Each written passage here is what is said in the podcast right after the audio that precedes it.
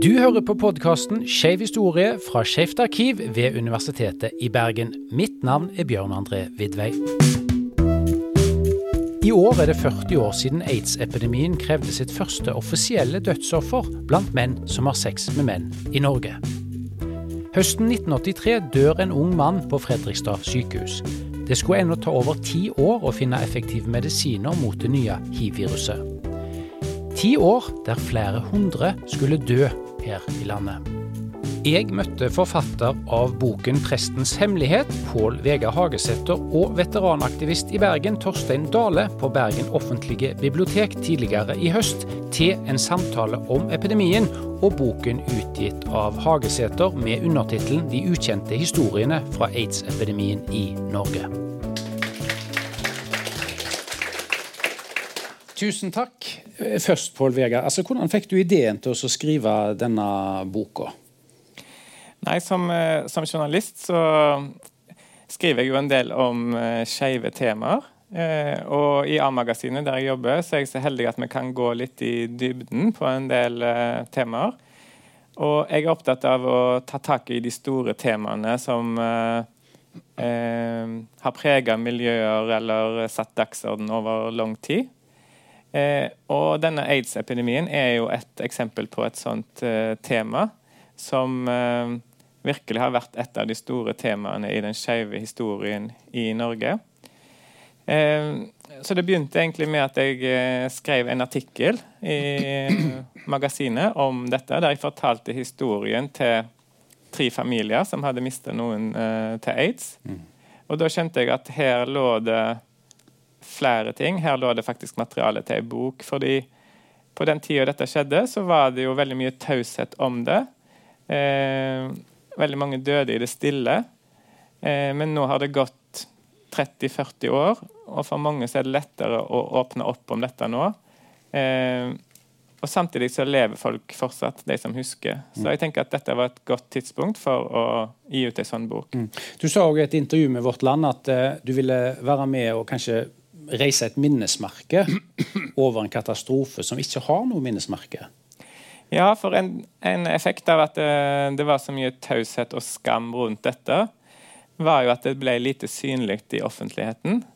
Eh, man kan jo tenke på mange andre store katastrofer som har ramma Norge. Mange av de har sitt eget minnesmerke, et sted folk kan gå til eh, for å minnes. Eh, men for aids-epidemien så fins det ingenting. Mm. Og Det syns jeg er litt uh, påfallende. Mm. Vi skal jo gå inn i noen av disse historiene som er både rørende og spennende på samme tid. Eh, Torstein Dale eh, trenger kanskje ikke noen nærmere presentasjon for publikum i Bergen. De fleste kjenner deg som en mangeårig politiker fra Rød valgallianse og senere Rødt. Men eh, du jo også, sto jo òg tett på aids-epidemien når den eh, påstod, eller sto på her i Bergen. og Um, altså, hva er det første som kommer til deg når du liksom begynner å tenke på disse hendelsene nå, så mange år etterpå? Ja, altså det For det første, Pål eh, ba jo om samtale med meg, og vi hadde en prat. Eh, og Da var jeg dårlig forberedt, for jeg var litt usikker på hva, hva du var på jakt etter. Og da slo det meg at eh, Søren, så, så, så, lite du husker. jeg må liksom eh, eh, hente det opp igjen. Eh, eh, så det har jeg gjort litt nå. Eh, og, og da kommer det inn i, i stort monn, for å si det sånn. Altså Den, den enkeltsaken som jeg var absolutt mest engasjert i, det var jo Erik Heiresens kamp mot, mot, aids, og spesielt hans kamp for å stå fram og uh, ikke ufarliggjøre, det er et feil uttrykk, for det var jo livsfarlig, bokstavelig talt, men, men, fjerne fordommer. Mm. Han var veldig modig og gjorde en, en uh, veldig viktig innsats. Men jeg tror du må minne oss litt på hvem han var? Det må jeg absolutt gjøre. Ja. Han var en sentral person i Det norske forbundet av 48 i Bergen-regionen gjennom en god del år. Og så ble han rammet Han ble hiv-smittet veldig tidlig. Det ble vel konstatert at han hadde hiv-positiv eh, i februar 1983, eh, og det var veldig tidlig. Mm. og så ble det konstatert aids i 1989. Skal jeg ta historien nå? Vi kan komme litt tilbake til, for vi skal, vi skal, gå litt mer i detalj på det. Men jeg har bare lyst til å spørre deg også, Pål Vegard, Når du skal fortelle disse historiene, så har jo du møtt på folk som er, er i live i dag, og som har levd med sykdommen. Men du har òg møtt eh, på en måte slektninger og, og, og, nære til folk som har mista. Mange av dem ønska kanskje ikke at du skulle fortelle historien til de som døde av aids. Hvordan har du håndtert det? Nei, det var jo eh, eh, mange ulike synspunkter blant de pårørende. Eh, I de aller fleste tilfellene så er jo de som jeg forteller om i denne boka, eh, med de pårørende sitt samtykke. Sånn at jeg har valgt vekk en del historier som eh, folk ikke har ønska å bidra, eller familiene har eh, sagt nei. Eh, rett og slett fordi det er vanskelig å skrive om livet til noen hvis ikke du har kildene tilgjengelige. Eh, og i ett tilfelle så har jeg jo skrevet på tvers av familien sitt ønske. Eh, for det var jo mange av de som eh, ble smitta på den tida, hadde jo konflikter med familien, hadde et vanskelig forhold til familien. og den personen som jeg skriver om, hadde jo brutt med familien mm. pga. Uh, sin uh, legning. Så da mente jeg at det er feil at familien i ettertid skal få bestemme at den personen ikke skal kunne bli huska, hvis de sånn som i dette tilfellet, antageligvis hadde ønska å være med i en sånn bok sjøl og var åpen om smitten sjøl. Mm. Som jeg sa innledningsvis, I år er det da 40 år siden den første offisielle diagnosen og dødsfallet fra aids her i eh, Norge. Um, og Det første tilfellet uh, ikke nødvendigvis som døde, men som fikk uh, diagnosen som jeg refererte til. Det er jo en av disse historiene du forteller. Hvem var han, og hva var historien hans? Ja, Det var en uh, ung mann som heter Jens Petter Aadal. Han var en konkurransedanser. Vokste opp i uh, Horten. Um, på den tida så var jo København den store homohovedstaden for folk fra Norge. Så Eh, som ung voksen så flytta han til København og begynte å jobbe på en, eh, et skeivt utested der. Og levde et liv med mye festing og mye homoliv. Eh, han hadde òg en onkel som bodde der, som eh, tok seg av han. Eh, og så, eh, tidlig på 80-tallet, så ble han syk. og i, slutten av 1982 så var han så dårlig at han eh, dro hjem til Norge, til foreldrene. Og i januar 1983 så havna han på kontoret til Stig Frøland, som er en kjent eh, professor og lege.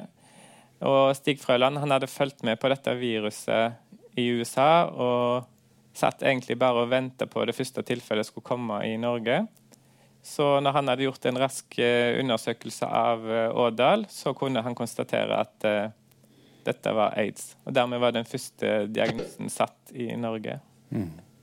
Eh, kan du huske, eh, Torstein, første gangen du hørte om eh, hiv-aids? Var det med diagnosen på, på din kamerat? Altså, det at, at det var et eller annet som folk ble veldig syke av og som eh, rammet eh, homofile miljøer, og gjerne i, i tilknytning til sånn eh, fest og, og eh, ja, eh, holdt jeg på å si, eh, i USA, det, det, begynte vel å sige inn sånn 1982 eller noe i den stilen der. og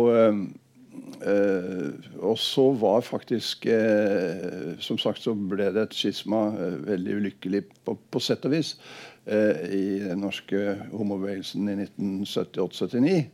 Og her i Bergen var, startet vi da homofil bevegelse i Bergen.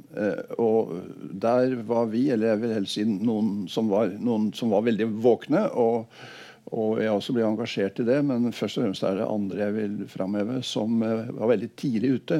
Så allerede i 1983 så var det et seminar med Et møte med, med en amerikansk forsker som fortalte om, eh, om dette. Og som var veldig opptatt av Han var ikke lege, men han var, jobbet med medisinsk etikk.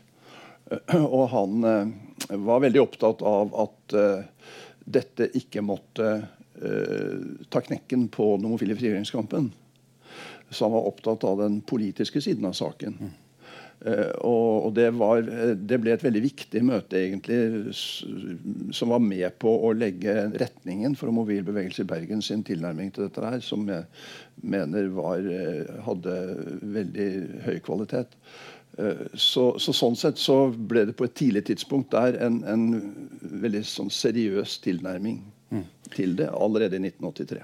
Det var jo i begynnelsen eh, altså, eh, voldsomme anslag på hvor mange som ville bli smitta og eventuelt eh, ville dø av dette. Det ble jo kalt den nye pesten. Kanskje du sier litt om de eh, skrekkscenarioene som ble malt ut? Jo, det ble jo eh, I en første periode så var det jo et slags eh, en voldsom frykt og et hysteri. en frykta at store deler av befolkningen kunne bli smitta av dette. Eh, og det kom en del eh, ekstreme forslag til hva en burde gjøre med de smitta. Eh, det var en som foreslo at alle som var smitta, skulle bli tatovert i lysken, sånn at eh, seksualpartnere kunne se det. Eh, han var jo lege, han som foreslo det òg. Ja. ja. Mm. Eh, noen andre foreslo vel å plassere alle smitta på Svalbard. så det var noen år med en eh, enorm eh, frykt og litt sånn veldig mye innsats fra myndighetene. Eh, der dette var voldsomt i fokus. Og så, når en da skjønte at dette i hovedsak rammer folk i enkelte risikogrupper, så eh, forsvant det litt mer fra bevisstheten. Bevilgningene ble trappa ned osv. Men, men jeg må spørre deg, Torstein, fordi at eh, altså, I 83 så gikk jeg i andre klasse på barneskolen, så det var ikke så tett på livet mitt. Men du sto jo midt oppi dette. og Da altså, tok det jo noen år før man på en måte visste om smittemåter. og Det var jo usikkert. Kan man bli smitta av tårer? Kan man bli smitta av å ta i hånd? Altså, hvordan, hvordan, håndterte man det i, den, i, begynnelsen, når man skjønte at dette er ei bombe som liksom går av midt i mitt eget miljø, men ingen vet egentlig hvordan noen slipper unna? Nei, det er klart, Helt i startfasen så var det veldig, veldig stor usikkerhet rundt det. Uh, også, i, også, hos oss. Uh, men etter hvert så det, det tok for så vidt ikke veldig lang tid før man begynte å få rimelig brukbar klarhet i, i smitteveier. Og at dette egentlig var en veldig lite smittsom sykdom. Som da forutsatte utveksling av kroppsvæsker og, og Eh, sånn sett eh, Altså vanlig sosial omgang innebar ingen smitterisiko. Mm. Og det å gi hverandre en klem, f.eks., helt ålreit. Men det er særlig knyttet til, til seksuell utfoldelse, med, med utveksling av kroppsvæsker og ikke minst sæd. Men også så det, kom det jo fram at det ikke bare rammet homofile, men sprøytenarkomane var utsatte knyttet til sprøyte, uh, satte sprøyte i blodet. Mm. Uh, og det kom, ble klart at også heteroseksuell mm. uh, atferd, altså samleie, kunne bety en smitterisiko. Så jeg vil si at, at kunnskapen den kom relativt tidlig på bordet på, på det nivået der, altså. Så, så, sånn ca. 1983 eller noe sånt, så visste man 1983-84 i hvert fall, så, så, visste man egentlig veldig mye. Ja. Uh, men det var jo veldig stor angst.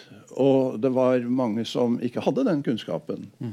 Uh, og det var mye hysteri. Uh, og da er det jo for så vidt to måter å møte det på. Det ene er og, eh, og, være veldig opptatt av eh, smittefaren og smitterisikoen og, og sånt noe. Og altså si at eh, her må man eh, passe seg, for eh, her er det fare for å bli smittet. Eh, den andre tilnærmingen er jo hvordan kan vi leve som fullverdige mennesker uten å påføre andre smitterisiko og uten å bli smittet selv. Mm. Uh, og dermed så uh, ble et begrep som sikker sex var et veldig viktig begrep, egentlig. og så, så, I homofil bevegelse i Bergen så utviklet det seg en forståelse om la oss gå ut fra i vår kontakt, vår seksuelle kontakt, at alle er smittet. Uh, og så innretter man seg med beskyttelse, uh, kondom f.eks., sånn at man ikke blir smittet selv om man har sex med en som er smittet. Og, og det, det, var en helt annen tilnærming. Mm. Men dette var en stor diskusjon i homobevegelsen. Eh, og det var da definitivt også en diskusjon i norske medier. F.eks. VG hadde vel noen svære greier om homopesten osv. Ja. Men det er jo en annen smittvei her som, som jo nesten er helt glemt i dag eh, og som man jo hadde i begynnelsen, det var jo via blodoverføring. Og Du har jo òg eh, gått inn i noen av disse Eh, disse historiene. Eh, jeg tror du har funnet ut at Fra 1980 til 85 så var det 16 personer i Norge som fikk hiv-viruset på den måten. Og, og, De ble møtt på en litt annen måte, for de var uskyldig smitta. Ja, det var jo et lite skille der. Eh, altså For mange som ble smitta, så var det veldig vanskelig å fortelle om smitten. Fordi eh, det innebar på en måte at du enten måtte stå frem som homofil, eller fortelle at du brukte rusmidler, eller eh, kanskje avsløre detaljer fra seksuallivet ditt som du ikke hadde lyst til å dele. Eh, det var en del av grunnen til at det ble så mye skam rundt sykdommen. Men for de som ble smitta, enten fordi de fikk en blodoverføring på et sykehus, eller fordi de var blødere, så var situasjonen litt enklere på den måten. da, Fordi de hadde eh, på en måte ikke noe skyld i det sjøl. Selv. selv om det er feil å bruke det uttrykket, så var det nok en del som oppfatta det sånn. Mm. Eh, og der har du jo eh, iallfall én historie i boka di om hun litt voksne dama. Eh, kan ikke du fortelle om henne? For hun eh, ja, hadde store endringer i livet sitt òg pga. dette. Ja, Elsa Hausken fra Karmøy kommer fra samme kommune som meg. der eh, hun var jo ei godt voksen dame som skulle inn og ta en eh, standard hofteoperasjon på sentralsykehuset i Rogaland. Eh, og under operasjonen så fikk hun da tilført eh, blod. Det var ikke fordi at det, det, var nødvendigvis noe stort behov for det, men det var vanlig på den tida at du fikk eh, litt ekstra blod når du hadde gjennomgått en operasjon. Eh, og så viste det seg da at det var en eh, blodgiver på dette sykehuset som hadde hiv. Så flere år etterpå så fikk hun Da satt hun faktisk og leste i avisa om eh, en annen som var blitt smitta av eh, blod eh, gjennom en blodoverføring på det samme sykehuset. Og så sa hun til mannen sin at du skal se at det samme har skjedd med meg. Og noen dager etterpå så ringte jo kommuneoverlegen til henne og kunne fortelle at hun hadde fått det samme blodet. Så hun ehm, eh, endte jo da opp som eh, hiv-positiv på et tidspunkt der det var ikke kommet noen medisiner som eh, virka, og eh, fikk store problemer pga. det. Men hun sto relativt tidlig åpent fram. Eh, Kanskje fordi at det var på en måte lettere da, for deg i denne gruppa. Mm.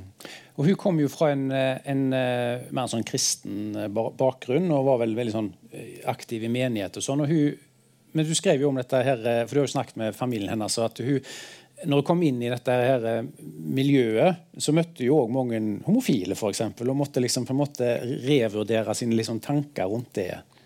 Ja, hun sa jo at uh, hun endra veldig syn på det. Uh, hun var nok som du sier, litt kristen konservativ dame, men eh, eh, hun ble veldig eh, Fikk mange gode venner da, blant de andre i eh, hiv-positive miljøet, selv om hun eh, måtte vel le litt når hun ble invitert til noen av de arrangementene som eh, Pluss arrangerte, f.eks. For, eksempel, for guttefest eller sånne ting. um, det var jo òg eh, dessverre eh, barn som ble, ble, ble ramma om dette. Du har da skrevet om eh, noen av de eh, som enten da ble smitta ved blodoverføring eller òg eh, under fødsel.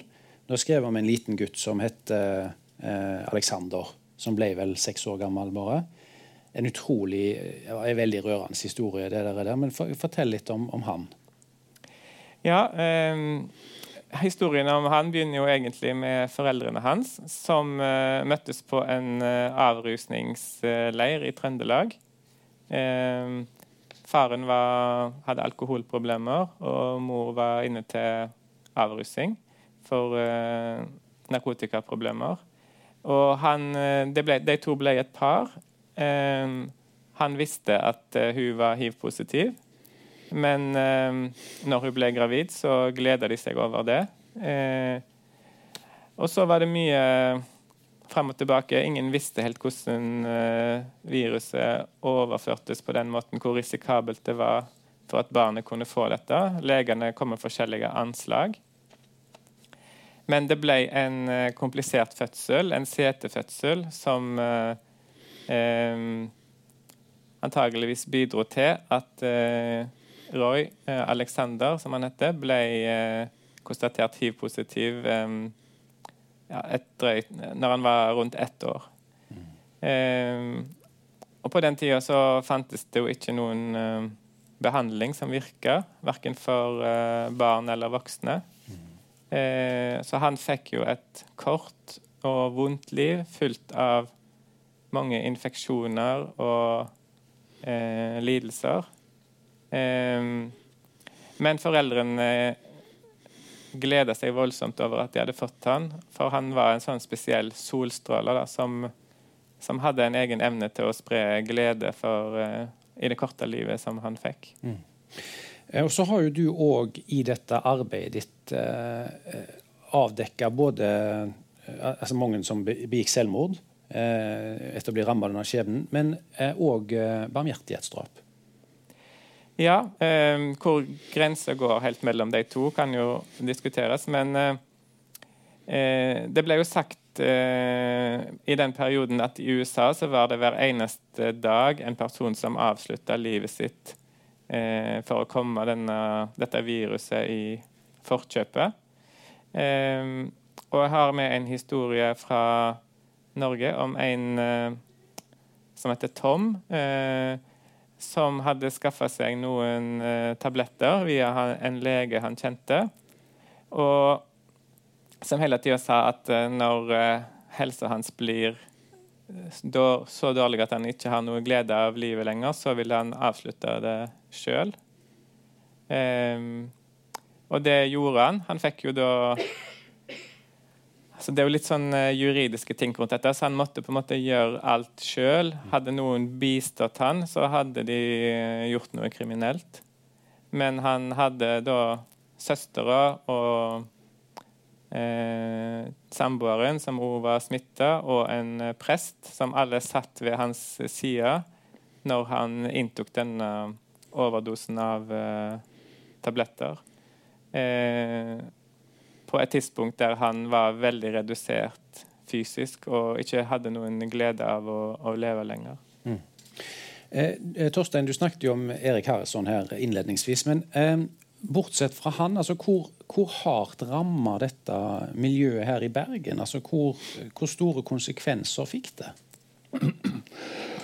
Ja, det fikk jo, det fikk jo store konsekvenser. Men eh, jeg meg bare rette meg selv. Jeg tror jeg kom til å si at han ble konstatert hiv-positiv i 1983. Det var feil, det var 1985. Okay. Februar 1985. Um, det var jo da eh, noen som ble syke og, og døde. Uh, jeg vet ikke hvor mange det var i Bergen sånn totalt sett. Uh, jeg vil tippe sånn 20-30, tenker jeg. 20-30 mennesker, tenker jeg. Sånt noe. Um, men uh, i et uh, relativt lite miljø, så, så, så, er det klart at det, det, rammet mange av oss. Jeg mistet uh, seks veldig gode venner her i Bergen. Og, og, det er klart at det også spredte angst. Altså det, det ødela veldig mye av den, den, det, vi hadde klart å, å opparbeide av, eh, av, frihet, egentlig. Så det spredte angst blant eh, homofile selv. Uh, og det spredte en del uh, negative Uh, altså redsel blant folk flest. Mm. Jeg vil likevel si at her i Bergen så merket vi det vesentlig mindre enn i Oslo.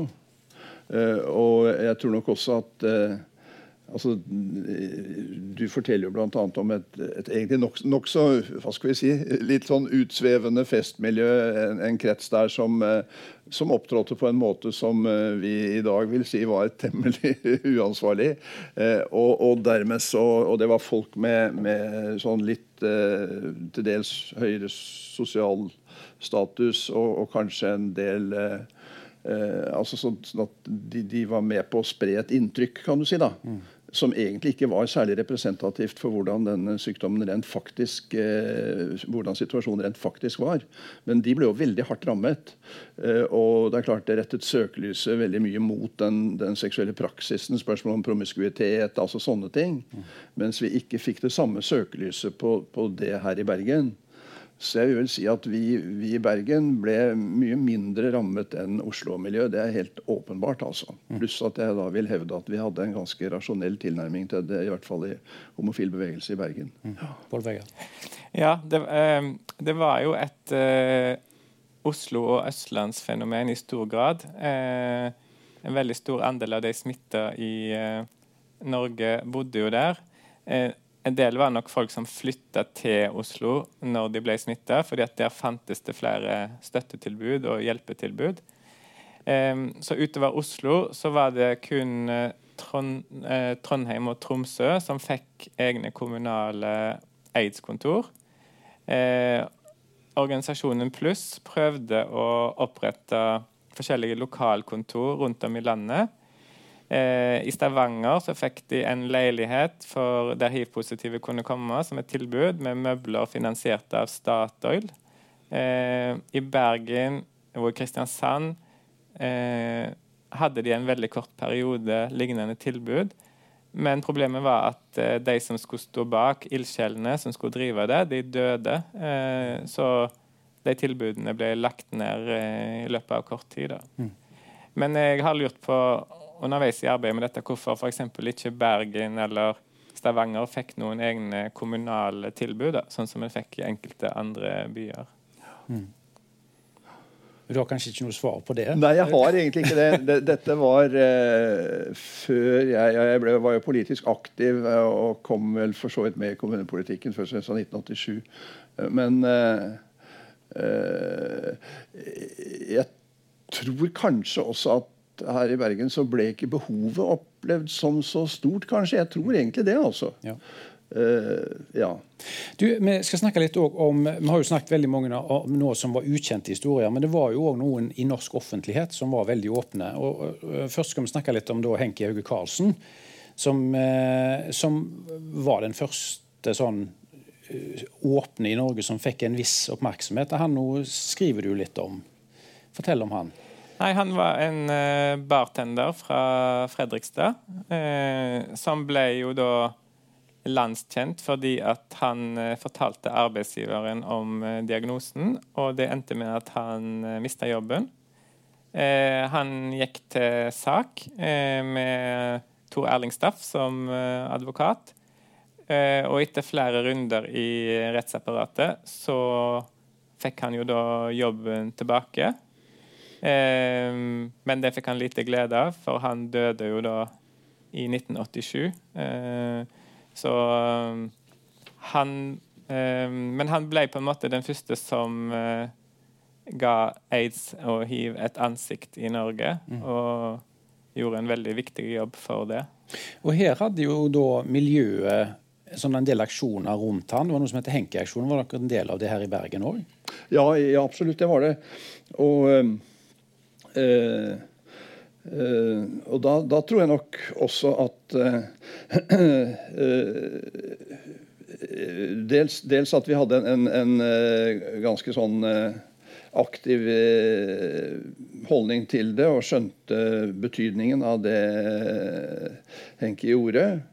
Men jeg tror også kanskje at, at Erik Herresens modige opptreden her i Bergen var med på å styrke grunnlaget for, for å skjønne dette.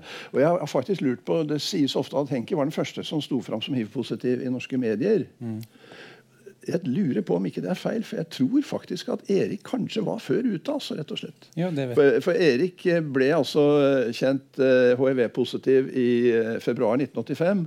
Og i 1985 så eh, sto han fram i Bergensavisen. Ja. Uh, det er mulig at Henke slo opp med noen uker, det vet jeg ikke.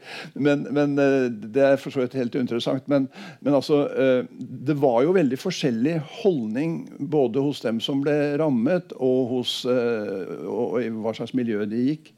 Og, og, det som kjennetegnet Erik Herresen framfor noen, det var at han faktisk to the very bitter end var opptatt av å fram for å vise folk hva som var sant, og hva som ikke var sant. Mm. Eh, og, og, det, ja, som sagt, Jeg skal komme litt mer tilbake til ham. Men, eh, men Henki og Henki-aksjonen var veldig viktig. Og jo, Vi hadde jo god kontakt med hverandre. F.eks. en kar som het Dag Strand Nilsen, som var eh, fagforeningsleder innenfor hotell og restaurant. Eh, han var eh, også en av støttespillerne, og han var for øvrig selv, eh, ble, ble selv hiv-positiv og døde av aids. Og han hadde mange kjente her i Bergen. For eksempel. altså vi, vi hadde kontakt med hverandre. Men altså, Henkis veldig modige opptreden spilte en veldig viktig rolle. Altså. Og så er det, vel, er det vel rett å si at altså, Henki ble jo på en måte et symbol, ja. og bevegelsen på en måte altså, Han hadde brukt, altså, brukte han på en positiv måte. Da. Han ble liksom en sånn posterboy for dette, og enten han ville eller ei òg. Altså, han ble liksom, fikk hele den bevegelsen bak seg. som liksom støtte han fram. Men du hadde noen innspill på ja. Jo, altså det fantes nok flere som sto fram i, i ulike sammenhenger før uh, Henki Hauge Karlsen. Allerede i 1983 så var det en nordmann som eh, ble intervjua fra sykesenga i Danmark. Eh, en eh, som heter Hjalmar. Som er den aller første jeg har sett som, som var intervjua med navn og bilde. Og han døde jo samme år. så Harrison var, kan godt være, hende at han var før, men jeg tenker at, eh, at Henki var den første som slo gjennom i, og ble nasjonalt kjent. Ja, eh, mm. men, du, men, du, skriver jo òg om ei, ei, ei, annen dame her, ei som heter Ingebjørg Mosesen. Som delte skjebne med Henki, men de kunne egentlig ikke vært mer forskjellige. Men hun var jo åpen. Eh, fortell om henne. Ja, hun var eh, Altså, i, I den nordligste landsdelen så var det et litt annet smittemønster enn i resten av landet. Der var det flere eh, heterofile kvinner som ble smitta på midten av 80-tallet. Flere av de hadde barn.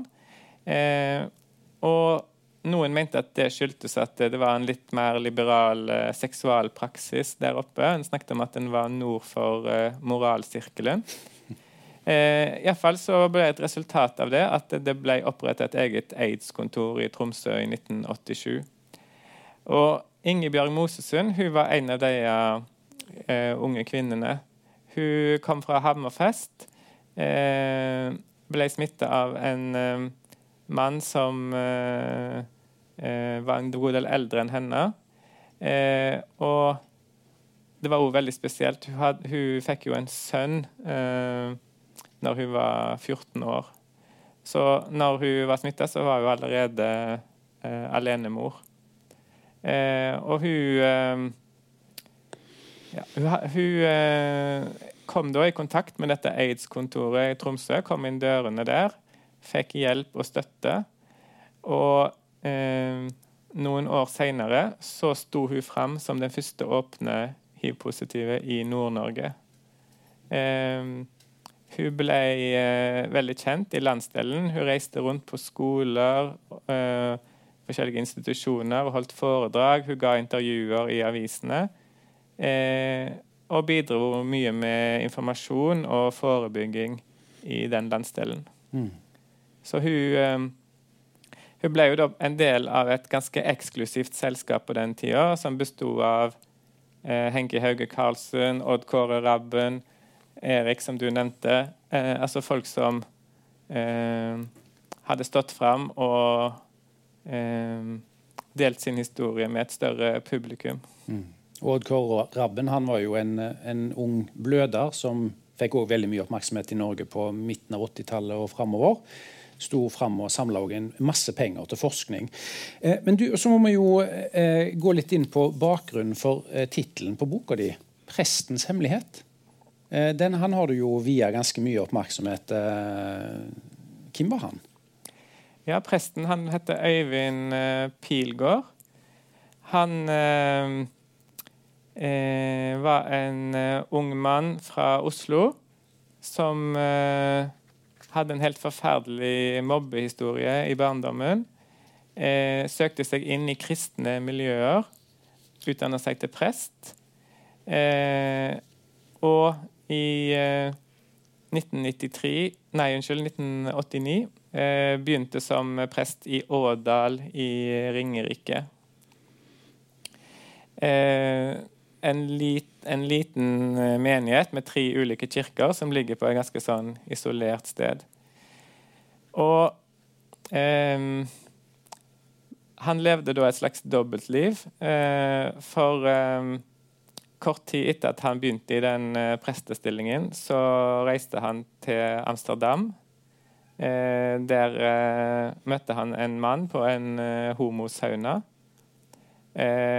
og en stund etter denne turen så fikk han en telefon fra den mannen om at han eh, hadde hiv, og at han oppfordra Øyvind til å teste seg. Eh, og det gjorde han, eh, og Øyvind fikk da òg eh, hiv-diagnosen. Eh, han betrodde seg til noen veldig få. Eh, en prestekollega og noen få venner. Men jeg fortsatte å jobbe som eh, prest i Ådal. Holdt gudstjenester hver søndag. Eh, mens helsa hans raskt eh, forverra seg. Og han eh, ble etter hvert mer og mer sykmeldt. Eh, men arbeidsgiveren ante jo ingenting om hva som feilte han. Han sa at det var ryggproblemer og andre ting. Um, til slutt så ble han så syk at han fikk uførepensjon, flytta hjem til foreldrene. Um, og han uh, døde til slutt i 1996, samme året som det kom medisiner som faktisk virka. Men han uh, var noen måneder for uh, mm. Det var noen måneder imellom. Eh, vi skal snakke om eh, medisiner. Det er neste punktet mitt. På, fordi Heldigvis handler ikke dette bare om død og forferdelse. Noen overlevde òg. Og han, det er interessant det du sier der, at han døde noen måneder før. Vi har jo et stort livsminnearkiv på Skeivt arkiv. og eh, i hvert fall minst ett av de intervjuene så er det jo en som var akkurat samme skjebne. Han lå på sykehuset, lå for døden, hadde tatt farvel med familien, og så kom altså medisinene. Eh, og de virka jo, og de virka veldig bra. Eh, og man gikk eh, man, altså Sånn som Stig Frøland òg, eh, velrenommert lege som har jobba med dette store deler av sin karriere, sa jo at det var helt uvirkelig å se. Det var som folk sto opp fra nærmest de døde. Og dette, Da møter man jo plutselig en annen utfordring. Dette at Nei, jeg skal visst ikke dø allikevel. Jeg skal leve videre. Og hvordan var det? Nei, det må ha vært utrolig tøft for enkelte, det òg. For at eh, noen hadde jo gått i lang tid og forberedt seg på at de skulle dø. De hadde kanskje gjennomført alle de tingene som de visste de ville gjøre før de skulle dø. Noen hadde kanskje brent broer eller brukt opp eh, alle pengene de hadde. Så, eh, og sånt psykisk, og da innstille seg på at du skal leve videre likevel. Og, og hva slags liv skal du leve videre med? For de første medisinene som kom, hadde jo veldig sterke bivirkninger. Eh, så det var jo med en redusert livskvalitet at du fikk leve videre. Mm. Så det eh, har nok vært veldig tøft for mange av de langtidsoverleverne som vi har i dag. Da. Mm. Den overgangen der. Mm. Hva husker du fra det, Torstein, når det plutselig kom ja, Først så kom jo den ACT-medisinen, men det trenger vi ikke gå så inn på, for den var ikke så veldig virksom. Men når de første medisinene kom som faktisk gjorde en forskjell, da, hvordan, hvordan ble det tatt imot, og, og hva gjorde det? Ne, altså det, det forandret jo bildet veldig.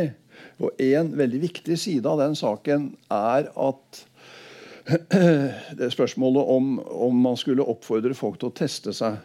Det var jo noen som mente, og faktisk ganske sterke oppfatninger, om at eh, alle skulle testes for å se om de var hiv-positive, for å kartlegge omfanget.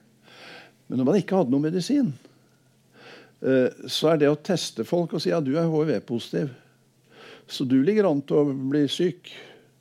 Og så er det ingen medisin.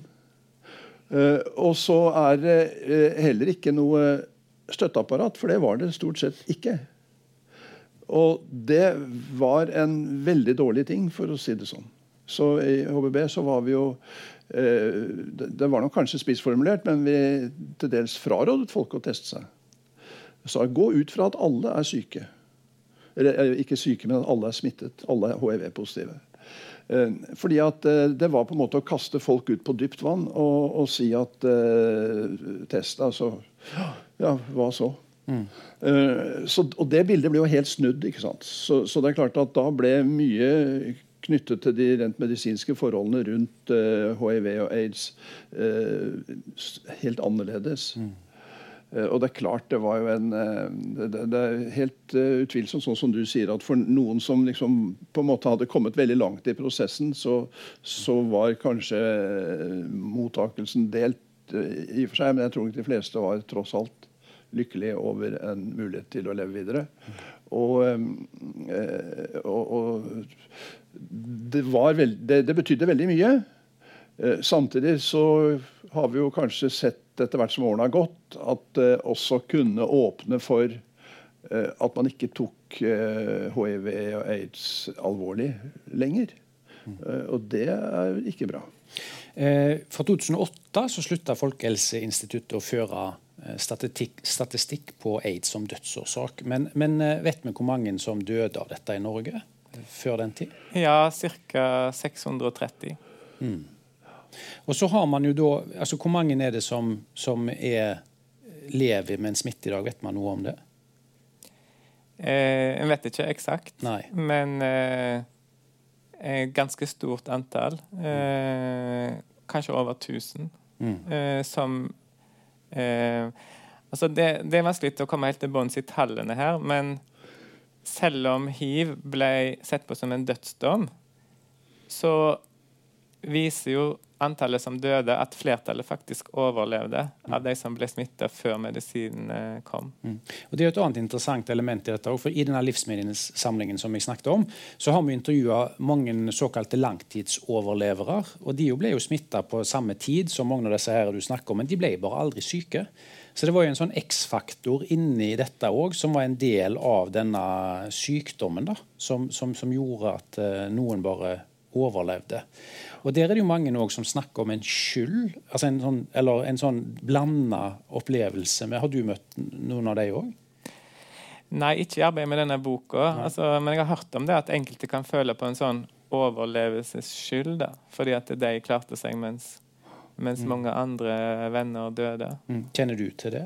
Torstein? Nei, egentlig ikke. Nei. Jeg har ikke vært borti det. Mm. Jeg har lyst til å spole fram til 2020, eh, når eh, koronaepidemien Eh, plutselig kom over oss. Og da var det eh, flere sånne likhetstrekk.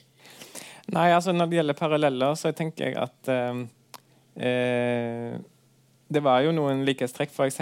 så så vi òg under pandemien at eh, koronapandemien at det var forskere som nærmest spredde dommedagsprofetier. Vi hadde ei dame på Dagsrevyen som kalte dette den nye pesten, og som virkelig satte en støkk i folk. Eh, og så eh, hadde vi òg under koronapandemien en periode der det var en del frykt. Eh, vi visste ikke helt hvordan dette viruset smitter. Det var snakk om kontaktsmitte, luftsmitte, dråpesmitte. En visste ikke helt hva som var farlig. Eh, men så fikk vi jo mer kunnskap, og eh, folk slapper litt mer av. Eh, en tilpasser seg. Mens det som skjedde under aids-epidemien, det var jo at selv om en fikk kunnskap om eh, smittemåtene, så tok folk på en måte ikke til seg den kunnskapen. Det ble en voldsom overdreven frykt da, som har prega eh, samfunnet og de som har levd med viruset veldig lenge. Så selv mange år etterpå så kunne en f.eks. oppleve at folk ikke ville eh, gi noen en klem, eller arbeidsgivere som nekter folk å håndtere mat, eller eh, barn på en skole som ble bedt om å ikke ha fysisk kontakt med medelevene, sånne ting. Mm. Som var helt eh, irrasjonelt i forhold til hvordan viruset faktisk smitta. Og det eh, om vi har lært noe av det, vet jeg ikke, men det var iallfall annerledes under koronapandemien. Men nå var jo korona på en måte et annerledes virus òg. Eh, det var ikke et virus som drepte unge og friske folk eh, eh, i hovedsak, da. Mm.